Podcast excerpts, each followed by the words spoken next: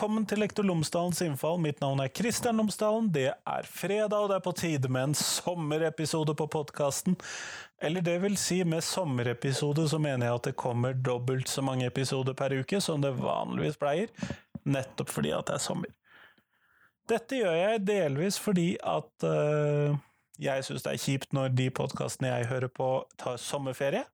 Fordi at jeg har en del mer tid til å høre på podkast om sommeren. Jeg får stort sett alltid hørt på podkast, men i hvert fall. Den andre grunnen er jo det at jeg har fryktelig mange gode intervjuer liggende, og det er en eh, skam å la disse vente helt til høsten. Så da blir det dobbelt så mange episoder om sommeren. Men i hvert fall, eh, denne fredagens episode er med Bjørnar Østerhus Dale fra Raftosenteret og Espen Helgesen fra Høgskolen på Vestlandet. Begge to har tidligere vært med i podkasten, sånn at noen av dere kjenner dem kanskje fra før. Denne gangen snakker de om konspirasjoner, og hvordan vi i skolen kan jobbe med det, og hvordan vi i skolen kan reagere på disse konspirasjonsteoriene. Vi kommer også innom noen konspirasjoner som dreier seg om hos lærerne. Det kan være interessant. Men i hvert fall, her får du Bjørnar og Espen.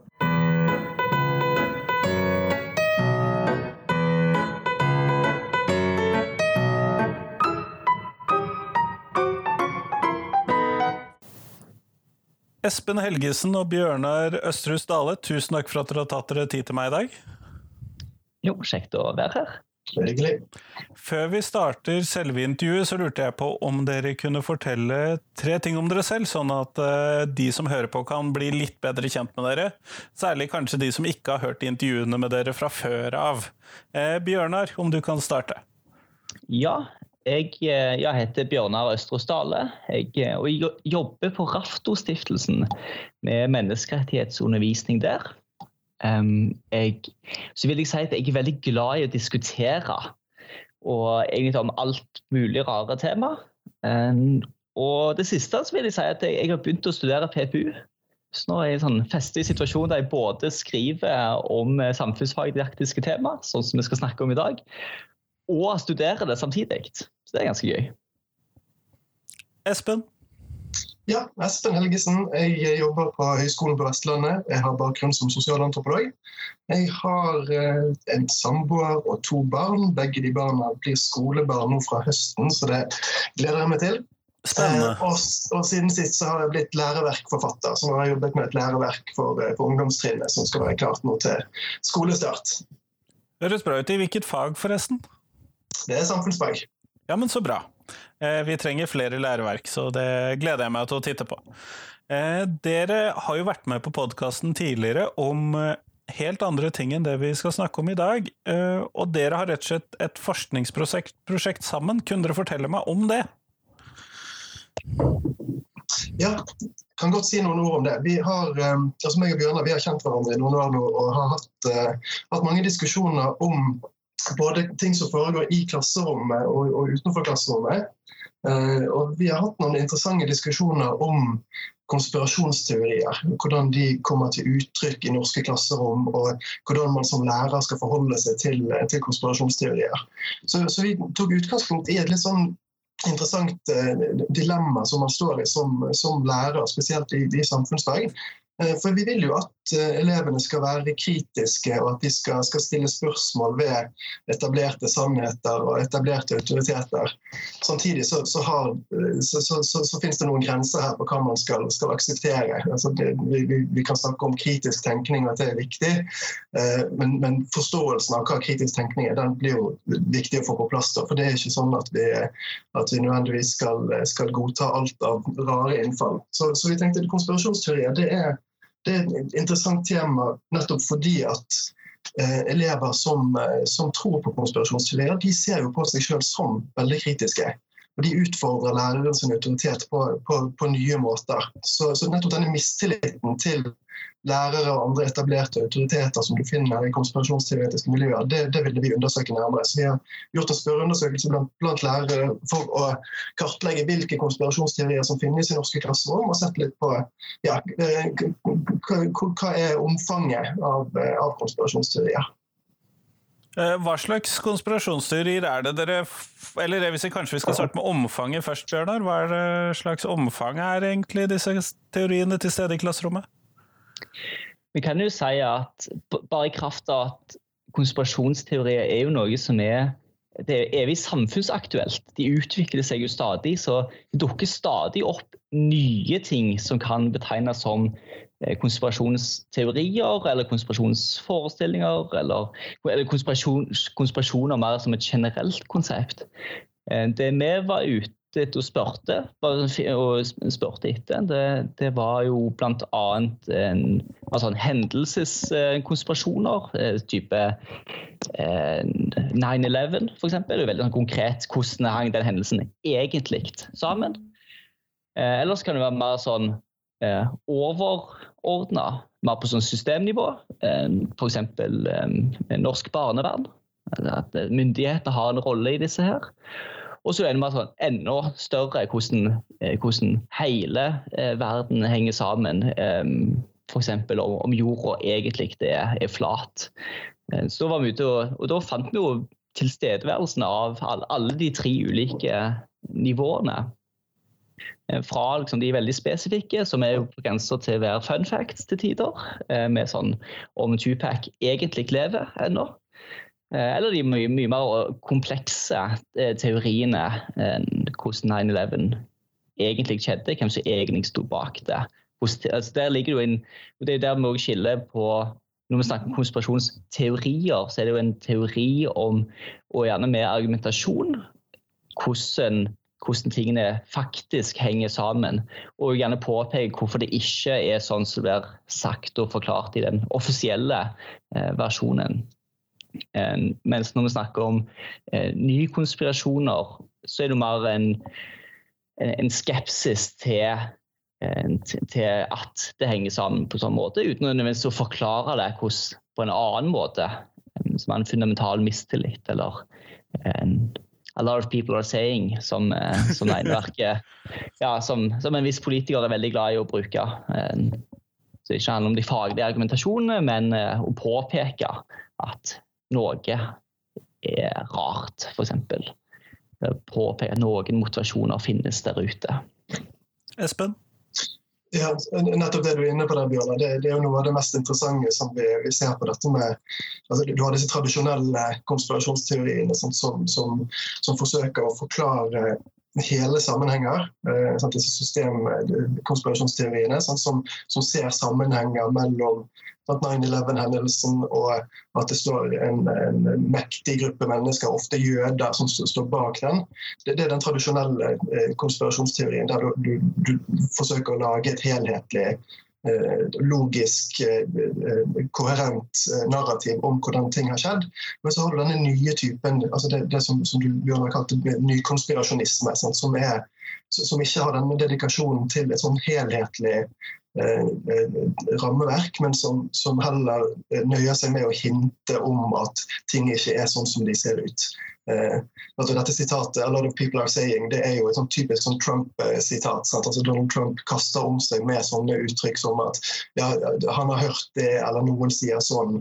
Eh, og, og, og det, det, er en form for konspirasjonssnakk som er veldig uforpliktende. For det er, noe, det er ikke noe krav om at eh, det skal være noe indre koherens i konspirasjonsteoriene som fremstilles. Det er mer en, en, en hinting om at eh, man ikke skal, skal stole på, på, det uh, autoritetene sier. Så det, det er også en, slags hundefløyte i mange tilfeller. der ja, det, det, det typiske eksempel kan være det at der man tidligere gjerne snakket om, eh, om at jødene sto bak, f.eks. 9-11, så, så, så, snakkes det i dag mer om at George Soros står bak. At altså George Soros er da, en, en, kjent eh, forretningsmann fra, fra USA, et, rik, eh, og han støtter mange demokratiske politikere. Og han blir da forstått som, som den som, som, står bak mye av det som går galt i verden.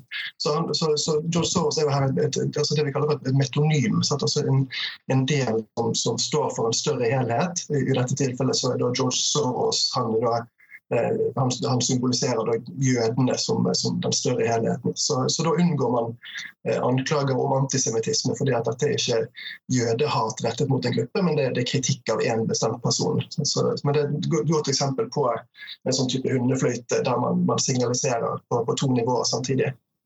Som en mann som tilfeldigvis da er jøde, og tilfeldigvis i gåseøyne. nettopp. Bjørnar? Eh, for nå, og Det krever litt ulike tilnærminger. Å møte eller snakke om konspirasjoner, om det da er en teori som Da kan du f.eks. påpeke eh, manglende sammenheng i argumentasjonen, eller eh, dårlige kilder, eller, eller, hva det måtte være.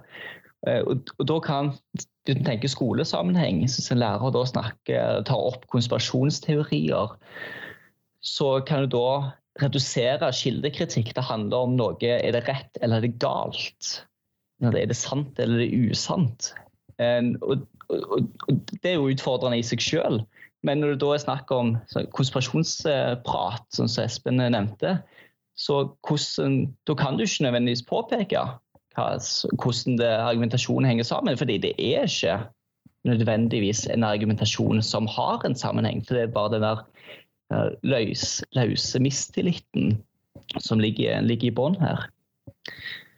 Det er, jo, det er jo, vesentlig mer, mer, utfordrende. For da må vi snakke om følelser, og ikke bare om kognitiv kunnskap. Det krever en annen form for adressering av, av følelser enn kunnskap, naturligvis. Men er det noen eh, sånne konspirasjonsteorier som eh, særlig eh, dere ser i spørreskjemaene at dukker opp i klasserommene?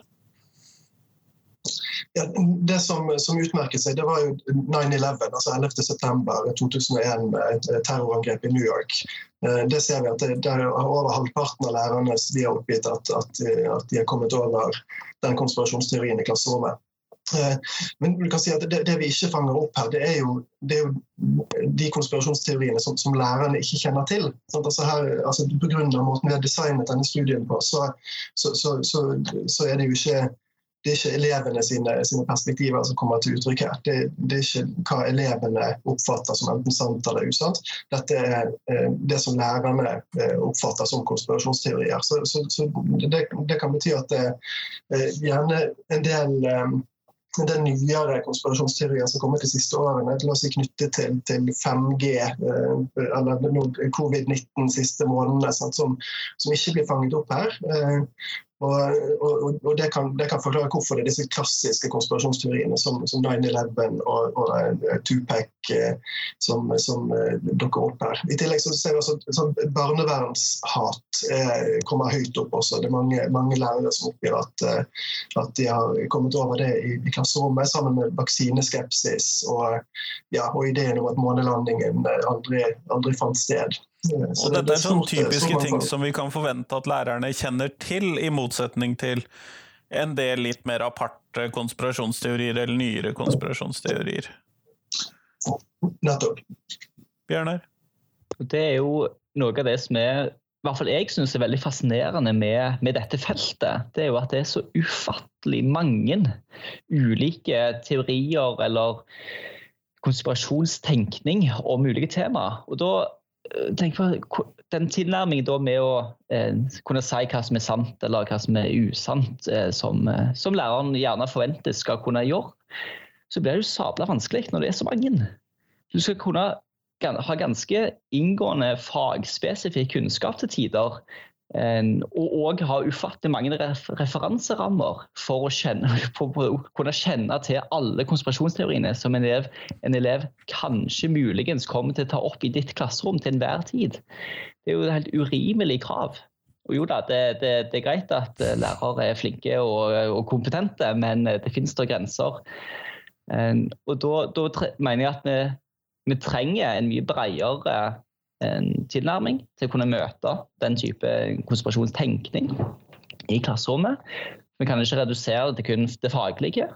Eh, vi må kunne løfte, løfte blikket. for Det kan også hjelpe læreren da, i møte noe som kan være et ubehagelig tema. Um, hvis vi tar, tar 9-11, som vi har snakket litt om allerede, og en, en elev spør i, i samfunnsfagtimen kommer med påstanden om at uh, jet fuel doesn't melt steam beams. Det er en klassisk greie som dukker opp i, i dette at det, det, brenner ikke varmt nok til å smelte stålbjelker. Så det er egentlig mer et naturfaglig spørsmål. Og det skal jeg ikke bevege meg inn på. Men, ikke jeg heller. nei, sant. Da, er det mer naturlig at det, okay, okay, det kan naturfaglæreren snakke om. Men men, men da, da, da, mister du litt anledningen til å ta opp de, de mer overordna temaene. Sånn, hvordan argumentasjon henger sammen, eller, eller kildekritikk, gode kilder, eh, medier, påvirkning, tendens. Det er mye spennende som bare ligger bak, og en anledning til å ta opp sånne tema. For åpenbart, hvis det kommer en sånn påstand, så er jo elevene interessert i temaet, og kan jo kanskje òg mye om det eller bare ute etter å avspore diskusjonen. Det er jo selvfølgelig en mulighet for, men eh, Espen?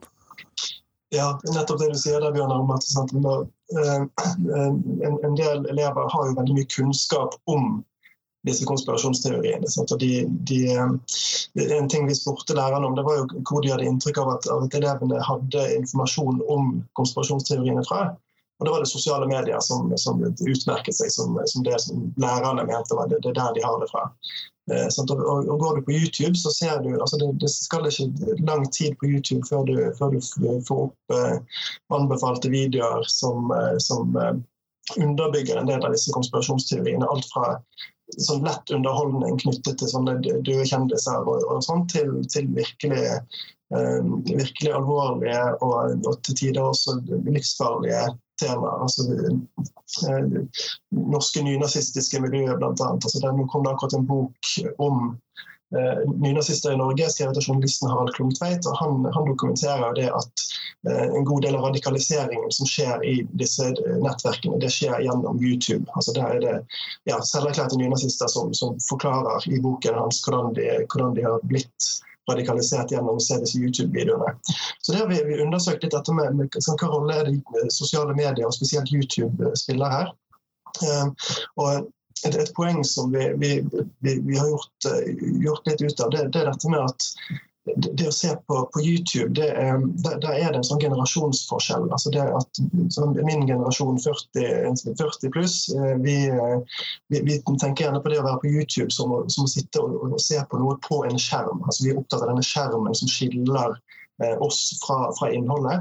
Mens for, for, for, de som er barn og unge i dag, så, så er det, det skillet mellom den som ser og det som foregår på skjermen, det, det, det er i mye større grad utvisket. Så, så, så det å, å, å, se disse videoene, det, er en mye mer sånn sanselig erfaring enn det vi kanskje, enn det vi voksne erkjenner. De, de, ser ikke bare et innhold på en skjerm, men de, de lever seg inn i det. De, de opplever lukter og smaker som om det skulle være nærmest, eh, nærmest virkelig.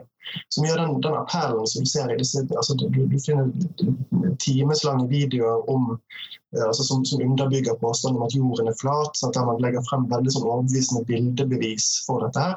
Eh, altså det jeg tror vi skal, skal, ta på alvor det at dette er, dette er lett å bli overbevist av når man får det presentert som, ja, som visuelle, visuelle fremstillinger. Eh, og Det er også litt, eh, litt det som, som, vi ser går, går igjen på, på, tvers av disse forskjellige konspirasjonsmiljøene. Så, så er det, en sånn, det er en veldig sterk forestilling om at man skal stole på sine egne sanser heller enn at man skal lytte til det ekspertene sier. Så heller enn å lytte til det politikere, forskere, journalister og lærere sier, så skal man ut i verden og så skal man se ting med egne øyne. Man skal eh, stole på sine egne sanser. Og hvor er det barn og unge går i dag eh, når de skal, skal ut og uh, finne informasjon om ting? Jo, det er på, på YouTube. Og der, på YouTube der ser de ting med egne øyne og, og, har en tendens til å tro mer på det de ser på en YouTube-video, enn, enn, det de blir fortalt av en lærer i klasserommet. Nettopp, nettopp. Eh, Bjørnar? Jeg kan også si hvorfor, hvorfor skal eleven i klasserommet tro på læreren? Hvis eleven allerede tenker at det er myndighetene som står bak et eller annet. Om det da er ja, Vi kan ta 9-11 som holder oss der. ok, myndighetene står bak 9-11. Okay? Og, og, så ser eleven på læreren som en representant for myndighetene. Jeg kan bare vi kunne tatt et norsk eksempel òg, men siden vi snakket om 9-11. Så ok, vi har eh, Eleven ser på læreren som en representant for myndighetene. Myndighetene som har stått bak en eller annen hendelse eller en eller annen konspirasjon. Og hvorfor skal da eleven faktisk akseptere kunnskapen eller, eller, det læreren forteller om og tar opp om en konspirasjon? Læreren kan si at ja, nei, dette er feil fordi sånn og sånn, men eleven aksepterer ikke de fundamentale premissene. Og da, da, da må vi skille mellom at en, en konspirasjon, uansett i hva form eller hva kategori, eh, består stort sett av en eller annen form for en, en oppfatning av, av noe. Og, men òg en mistillit til den etablerte forståelsen. Og Der ligger jo, det ligger jo en kritikk, en kritisk sans til, i bånn her. og Den, og den er, den er gull verd. Eh, men det er da kunne ikke bare redusere til nettopp det faglige, men òg til, til, å spille videre på denne skepsisen. Og, med, og ha noen felles etablerte premisser. Som både kan være en sånn vitenskapelig metode, eller være en, en felles nysgjerrighet for hvordan henger egentlig verdenen vår sammen. Men når vi da ser disse lærerne, når dere da ser hva lærerne svarer om disse konspirasjonsteoriene og sånn, hvordan, eh, hvilket inntrykk får dere av hvordan de forholder seg til eh, disse konspirasjonsteoriene ute i klasserommet? Det er noe vi ikke har utforsket sånn direkte. Eh, vi har ikke, vi har ikke eh, gått videre eh, til å, å, snakke med lærerne om hvordan de faktisk jobber med dette i klasserommet.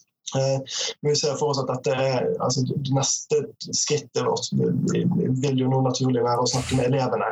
Og få, eh, og få høre både sånn, om det er samsvar mellom hva lærerne oppfatter som konspirasjonsteorier, og hva de oppfatter som konspirasjonsteorier, og hvordan de sjøl forholder seg kritisk til det de f.eks. ser på YouTube, eller det de eh, hører fra, fra, fra venner. Eh, Nettopp, nettopp. Og da vil jeg kanskje reformulere spørsmålet mitt til etter at dere har sett på dette, hvordan tenker dere at skolen skal forholde seg til disse utsagnene i klasserommet? Det er kanskje et bedre spørsmål ut ifra de dataene som dere har per nå. Bjørnar, du var raskt opp med hånden. ja, dette er noe jeg syns er absolutt det mest spennende. er jo hvordan, hvordan kan vi da når, det er ulike former for konspirasjoner, hvordan møte det i, i klasserommet. Og det, det, er veldig vanskelig og litt risikabelt å prøve å gi for generelle betraktninger. Men jeg tenker Det ene er at, eh, at enhver sånn spontan eller planlagt situasjon må, må ha visse eh, grunnregler. Det, det, ene er jo at elevene eh, må tas på alvor og møtes med respekt. Uh, uansett. og deres påstander, uansett hva de er basert på, er jo et uttrykk for et verdenssyn og, og deres meninger, og, de, og, det skal tas alvorlig. For de kan òg utvides og nyanseres og bygges videre på. Uh, og så må vi òg huske at, at um, ulike former for konspirasjonstenkning kan vektlegge kan her, kan være uttrykk for en, et, et, utenforskap. Så må vi òg ha med oss i mente at uh, eh, noe av det viktigste er jo da å kunne inkludere inn i fellesskapet, istedenfor å dytte elever enda mer ut og enda mer vekk, så må alle inkluderes i, i, et, i et, ja, et, felles fellesskap. Eh, og det tredje er jo mer, eh, som du er inne på, Kristian, med hvordan møter det. Det må møtes på forskjellige måter. Vi kan ikke eh, tenke at konspirasjonstenkning og konspirasjonsforestillinger, teorier, er ett tema som kan tas opp i én time i samfunnsfag, og så er vi ferdig med det. Må, for Det handler jo om hvordan vi tenker om samfunnet, hvordan vi tenker om også vitenskap, for så vidt.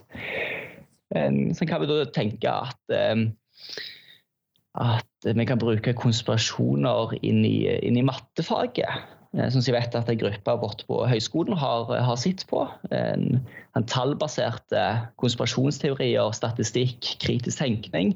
Nå begynner vi å snakke om et tverrfaglig tema av den nye læreplanen. Eh, hva med argumentasjon i eh, norskfaget, eller i samfunnsfaget for den saks skyld? Hvordan argumentasjonsrekker henger sammen, og logos og patos og, og det, det, det, dette her. Så her er det på en måte ulike måter å tenke på. Skal det være hvordan vi møter det spontane i klasserommet, så er jo dette å ta, ta på alvor og inkludere i fellesskapet helt essensielt. Men hvis det handler om å planlegge for å ta, ta konspirasjoner inn i klasserommet som et tema, så er det basert på de samme prinsippene.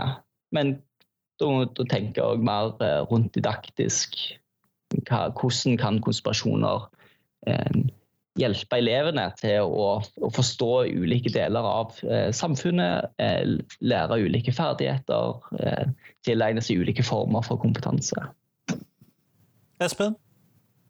Ja, eh, det du sier nå, Bjørnar, det, det, du tar til orde for, det er jo å, å ta konspirasjonsteorier på, på alvor. Altså det at man, man i hvert fall ikke skal, skal, skal latterliggjøre og avfeie det som, som bare tull og tøys. Fordi at selv om innholdet eh, rent sånn logisk ikke henger sammen, så, så, må, vi ta, eh, så må vi ta på alvor det at eh, for en del ungdommer så, så, så, er, dette, så er dette veldig, veldig seriøst. Så, så, så, jeg tror at, at rette strategien det er sånn som du er inne på, Bjørn. Altså, ha et reflektert forhold til hvorvidt man skal imøtegå konspirasjonsteorier når de dukker opp spontant i klasserommet. Så da, da, har du den utfordringen som du nevnte tidligere, Bjørn, med at du, du, du, risikerer å tape en diskusjon der hvis, hvis den blir en veldig teknisk diskusjon om, eh, om temperatur på, på, på, på, på stålbjelker før, før, de smelter osv. Og, eh, og så har du også den andre siden som handler om hvorvidt man skal planlegge undervisningsopplegg der man, man eh, jobber med konspirasjonsteorier i klasserommet. Eh, da, da, har man den fordelen at man, man, man, kan planlegge det i forkant. Man kan lage et ordentlig opplegg og gjennomføre det fra, fra start til slutt. Men, men, så er jo utfordringen der også det at du, du risikerer uansett at, at det elevene sitter igjen og husker, det er konspirasjonsteorien, og ikke alt, alt, du har gjort for å forsøke å, å, å, å motbevise eh, påstandene som man kommer med. Så det, det er krevende, og, og, og, og, den utfordringen blir forsterket av nettopp dette med det, det vi har kalt for sånn profesjonsbaserte fordommer. Altså fordommer mot bestemte yrkesgrupper, som politikere, som lærere, eh, journalister og forskere, som er etablerte autoriteter. Eh, hvis man er på innsiden av disse konspirasjonsteoretiske miljøene, så er, det en tendens til at man tenker at, at, eh, at folk i disse yrkesgruppene de er, enten så er de med på konspirasjonen. Altså at de, de, at de har en, en, finger med i spillet på å, lede befolkningen bak lyset. Eller at man i, i beste fall så er man sheeple, altså til sammensetning av, av, av sheep og people, sant, som, er, som, er, en form for sauemennesker som ikke kan tenke sjøl, og som bare uh, gjør det man får beskjed om. Så, så, så hvis elever har den holdningen at læreren er en sheeple som ikke kan tenke sjøl, så, så, så, vil jo det være en utfordring når man skal forsøke å, å, å i det hele tatt overbevise dem om, om, hvor de skal lete opp de gode kildene. Men eh, i denne jakten på disse i dette forskningsprosjektet, har det kommet frem noen sånne profesjonsbaserte fordommer mot uh, lærere i dette forskningsresultatet? Er, altså, i, i, USA så, så, ser vi mye av det altså, i, i forskningslitteraturen. Eh, I Norge så, så, er det, det en masteroppgave som har dokumentert at det finnes denne type, eh, denne type fordommer der lærere blir nevnt som en av flere yrkesgrupper som, som, som det finnes eh, eh sånne antakelser om at de eh, er sheeple, altså at de, at de bare følger strømmen heller enn å tenke sjøl. Så, så, logikken er det at, at, det, at det, folk i disse konspirasjonsteoretiske miljøene det er de som er de som egentlig tenker fritt. Og, og Da får du en sånn dynamikk der, eh, der all motstand de møter, f.eks. det å bli motsagt av en lærer, det vil bare være med på å bekrefte den antakelsen man allerede har om at vi, det er vi som har forstått det, de andre de har ikke skjønt noen ting. Nettopp. Bjørnar? Dette går jo inn på hele rollen til læreren. Både i samfunnet generelt, men òg i klasserommet. Hva, hva, hva, er faktisk posisjonen til, til læreren? Og dette er jo, det er jo, en, et stort tema i seg selv, men jeg kan si at eh, lærerens rolle har, har utvikla seg fra å være denne den vise, vise liksom, den, den, the, the, Sage on the Stage, som uh, the King skrev om. altså Vismannen på scenen som står foran elevene og yter av sin uendelige visdom. Um, that's me, og, that's me. ja, det, det, det er Kristian. Uh, the Sage on the Stage. Uh, men, så, og, men, så, kan man jo tenke at uh, lærerens rolle kan òg være the guide on the side så, så kan vi minne mer om sånn fasilitatorrolle og tilrettelegger for, eh, for elevene sin, sin læring. Og, og, ja, begge, begge, deler har sine, sine fordeler og ulemper, og ting kan kombineres. Men den ene, altså Sage on Stage, så sier du egentlig at eh, det læreren kan, det er sannheten. Det er det som er viktig å kunne, og skal overføre det til elevene. Mens i Guide on the Side så er det mer elevene sjøl som er med å danne denne kunnskapen. Mer som aktive bidragsytere inn i kunnskapsdanningen. Som, som, jeg tror er, er mye mer fruktbart i møte med akkurat sånne tema som dette. Det er nettopp den autoritetsposisjonen til læreren blir en utfordring og kanskje en begrensning fra, for læring, og ikke det som, er, ikke det som trengs i, i klasserommet. Dette kan også gjøres ganske konkret. Det, det, er en undervisningsøvelse som jeg vet at mange kjenner til. Eh, den sånn enig-uenig-plakaten, eh, linjen, du har to plakater på veggen. Eh, da leser du påstander, og elevene skal posisjonere seg om de er enige eller uenige i ymse påstander. Og det, det, er en øvelse som er fin på mange måter, kan også kritiseres på andre måter. Men jeg vil bare bruke den som et eksempel her, hvordan, hvordan den kan videreutvikles til å tydeliggjøre læreren sin rolle i klasserommet. For vi kan tenke at eh, læreren har, spiller jo ulike roller. Eh, F.eks. hvis det er helklassesamtaler og diskusjoner, så, og hvis klassen er veldig enige om et tema, så sier kanskje læreren sånn Ja, nå, nå tar jeg på meg rollen som djevelens advokat. Som motargumenterer motargumentere elevene. For å liksom bryte opp denne konsensusen. Eh, så vi har sånne roller ganske ofte. Men vi kan jo bruke andre. Det er mange flere sånne roller. Vi kan jo tenke at det av og til er en fordel å ta på seg denne metaforiske hatten om å være nøytral. Og ikke si sitt standpunkt. Det går an å være balansert å introdusere ulike perspektiver for å nyansere en diskusjon. Eh, både for å bygge den videre. Hvis det kanskje Hvis hele klassen er veldig enige om ett standpunkt, bortsett fra den ene modige eleven som mener noe annet, så det kan være at læreren skal inngå en rolle som sånn alliert og støtte opp under den denne minoritetsposisjonen. Så, og da skifte sånne roller, bruke sånne roller til, til videreutvikle undervisning som gjerne er vant med å kjenne til. Eh, men for å tydeliggjøre sin egen rolle. At eh, nå er, nå, og da sier jeg eksplisitt Hvis du skifter rolle, hvis du skifter fra å være djevelens advokat til å si dine egne standpunkt, så må du jo si det eksplisitt. Nå sier jeg mine egne standpunkt. Nå er jeg ikke en djevelens advokat lenger. Bare for å tydeliggjøre at, det, at læreren spiller et slags rollespill. Eh, for å kunne fasilitere diskusjonen uten å gå inn som seg som person, men gå inn i sånne diskusjoner med, med et verktøy for å hjelpe diskusjonen videre og utvikle den. Eh, så det kan både være en hjelp for elever og for diskusjoner, men òg for læreren sin rolle i klasserommet. Men Bjørnar, du er jo eh, lærerstudent, eller vil si PPU-student. Da er du i prinsippet det. Men Espen, du er jo da lærerutdanner. Eh, hvordan tenker du at uh, i møte med fremtidige bjørnarer, hvordan kommer dette forskningsprosjektet til å informere din lærerutdanningsgjerning? Mm, nettopp. Nei, jeg, jeg har iallfall kommet til for min egen del at vi, vi kan ikke ignorere dette temaet. Dette er, det, det tenker jeg er risikabelt å tenke at man bare kan, kan avfeie det og, og, og, tenke at dette ikke er noe som vi trenger å forholde oss til verken i skolen eller i, i lærerutdanningen.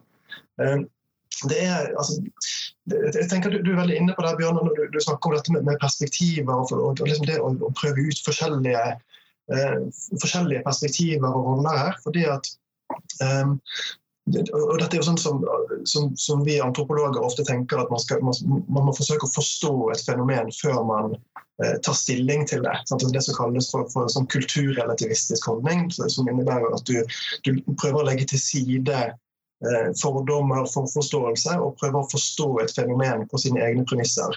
Selv om det kanskje moralsk sett er, er noe som du, du, har et problematisk forhold til. Altså det, det kan være eh, sånne ting som, som ekstremisme, f.eks. Så hvis man skal forstå ekstremisme, så må man forsøke å, å, å, å se verden fra, fra perspektivet til disse eh, ekstremistene. Og, det, og, Den kulturrelativistiske holdningen den, den, tror vi kan bruke ikke bare for å forstå eh, andre samfunn og andre kulturer, og, og sånn som man ofte bruker det begrepet kulturrelativisme, men jeg tror vi kan, kan bruke den innstillingen også for å forstå hva er det som gjør at disse konspirasjonsteoriene appellerer. Eh, hva er det som gjør at ungdom trekkes mot, eh, mot eh, denne type miljøer, og hva er det som gjør at de som tror på én konspirasjonsteori, har en tilbøyelighet til å tro på flere konspirasjonsteorier. Så, så, her, så her, er det masse, masse man kan, kan, utforske både i, i lærerutdanningen og i, i, klasserommet. Men jeg tenker det, det, det, kan være lurt å begynne med å ha nettopp den, den holdningen som du tar til orde for her, Bjørn. Det at man, man må man må forstå fenomenet fra flere perspektiver. Man må, må, gå inn med en åpen holdning.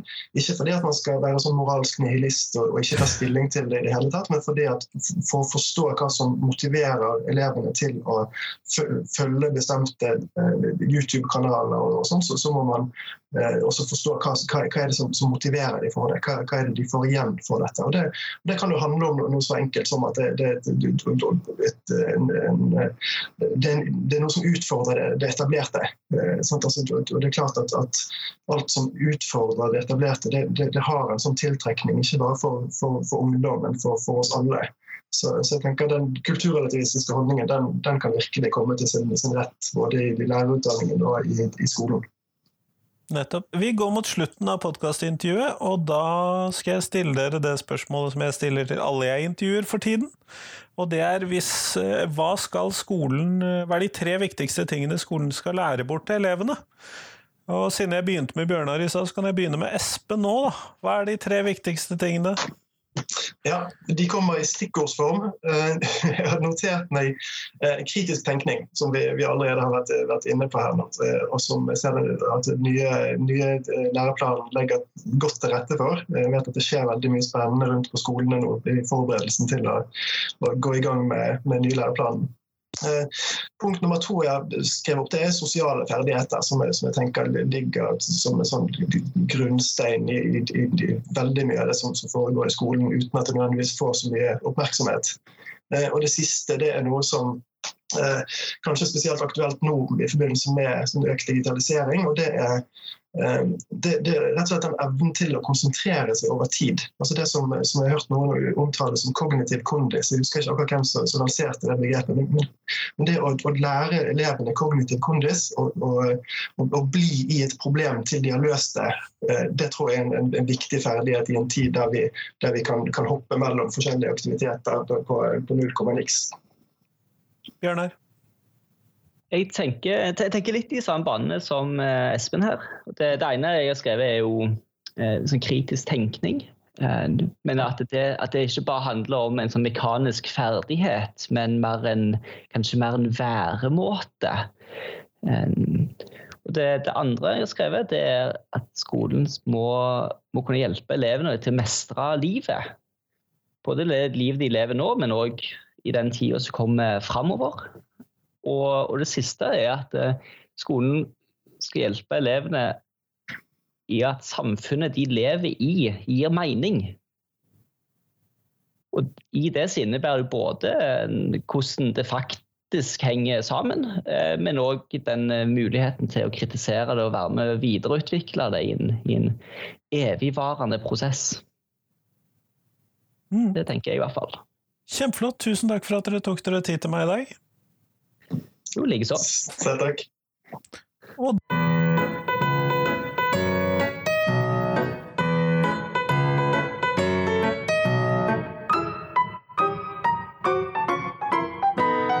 Tusen takk til Bjørnar, tusen takk til Espen, og tusen takk til deg som hørte på. Nå går det bare noen dager til uh, Neste episode kommer. Da møter dere Marte Mo fra NDLA. Vi snakker om digitalisering, fagfornyelsen og mer.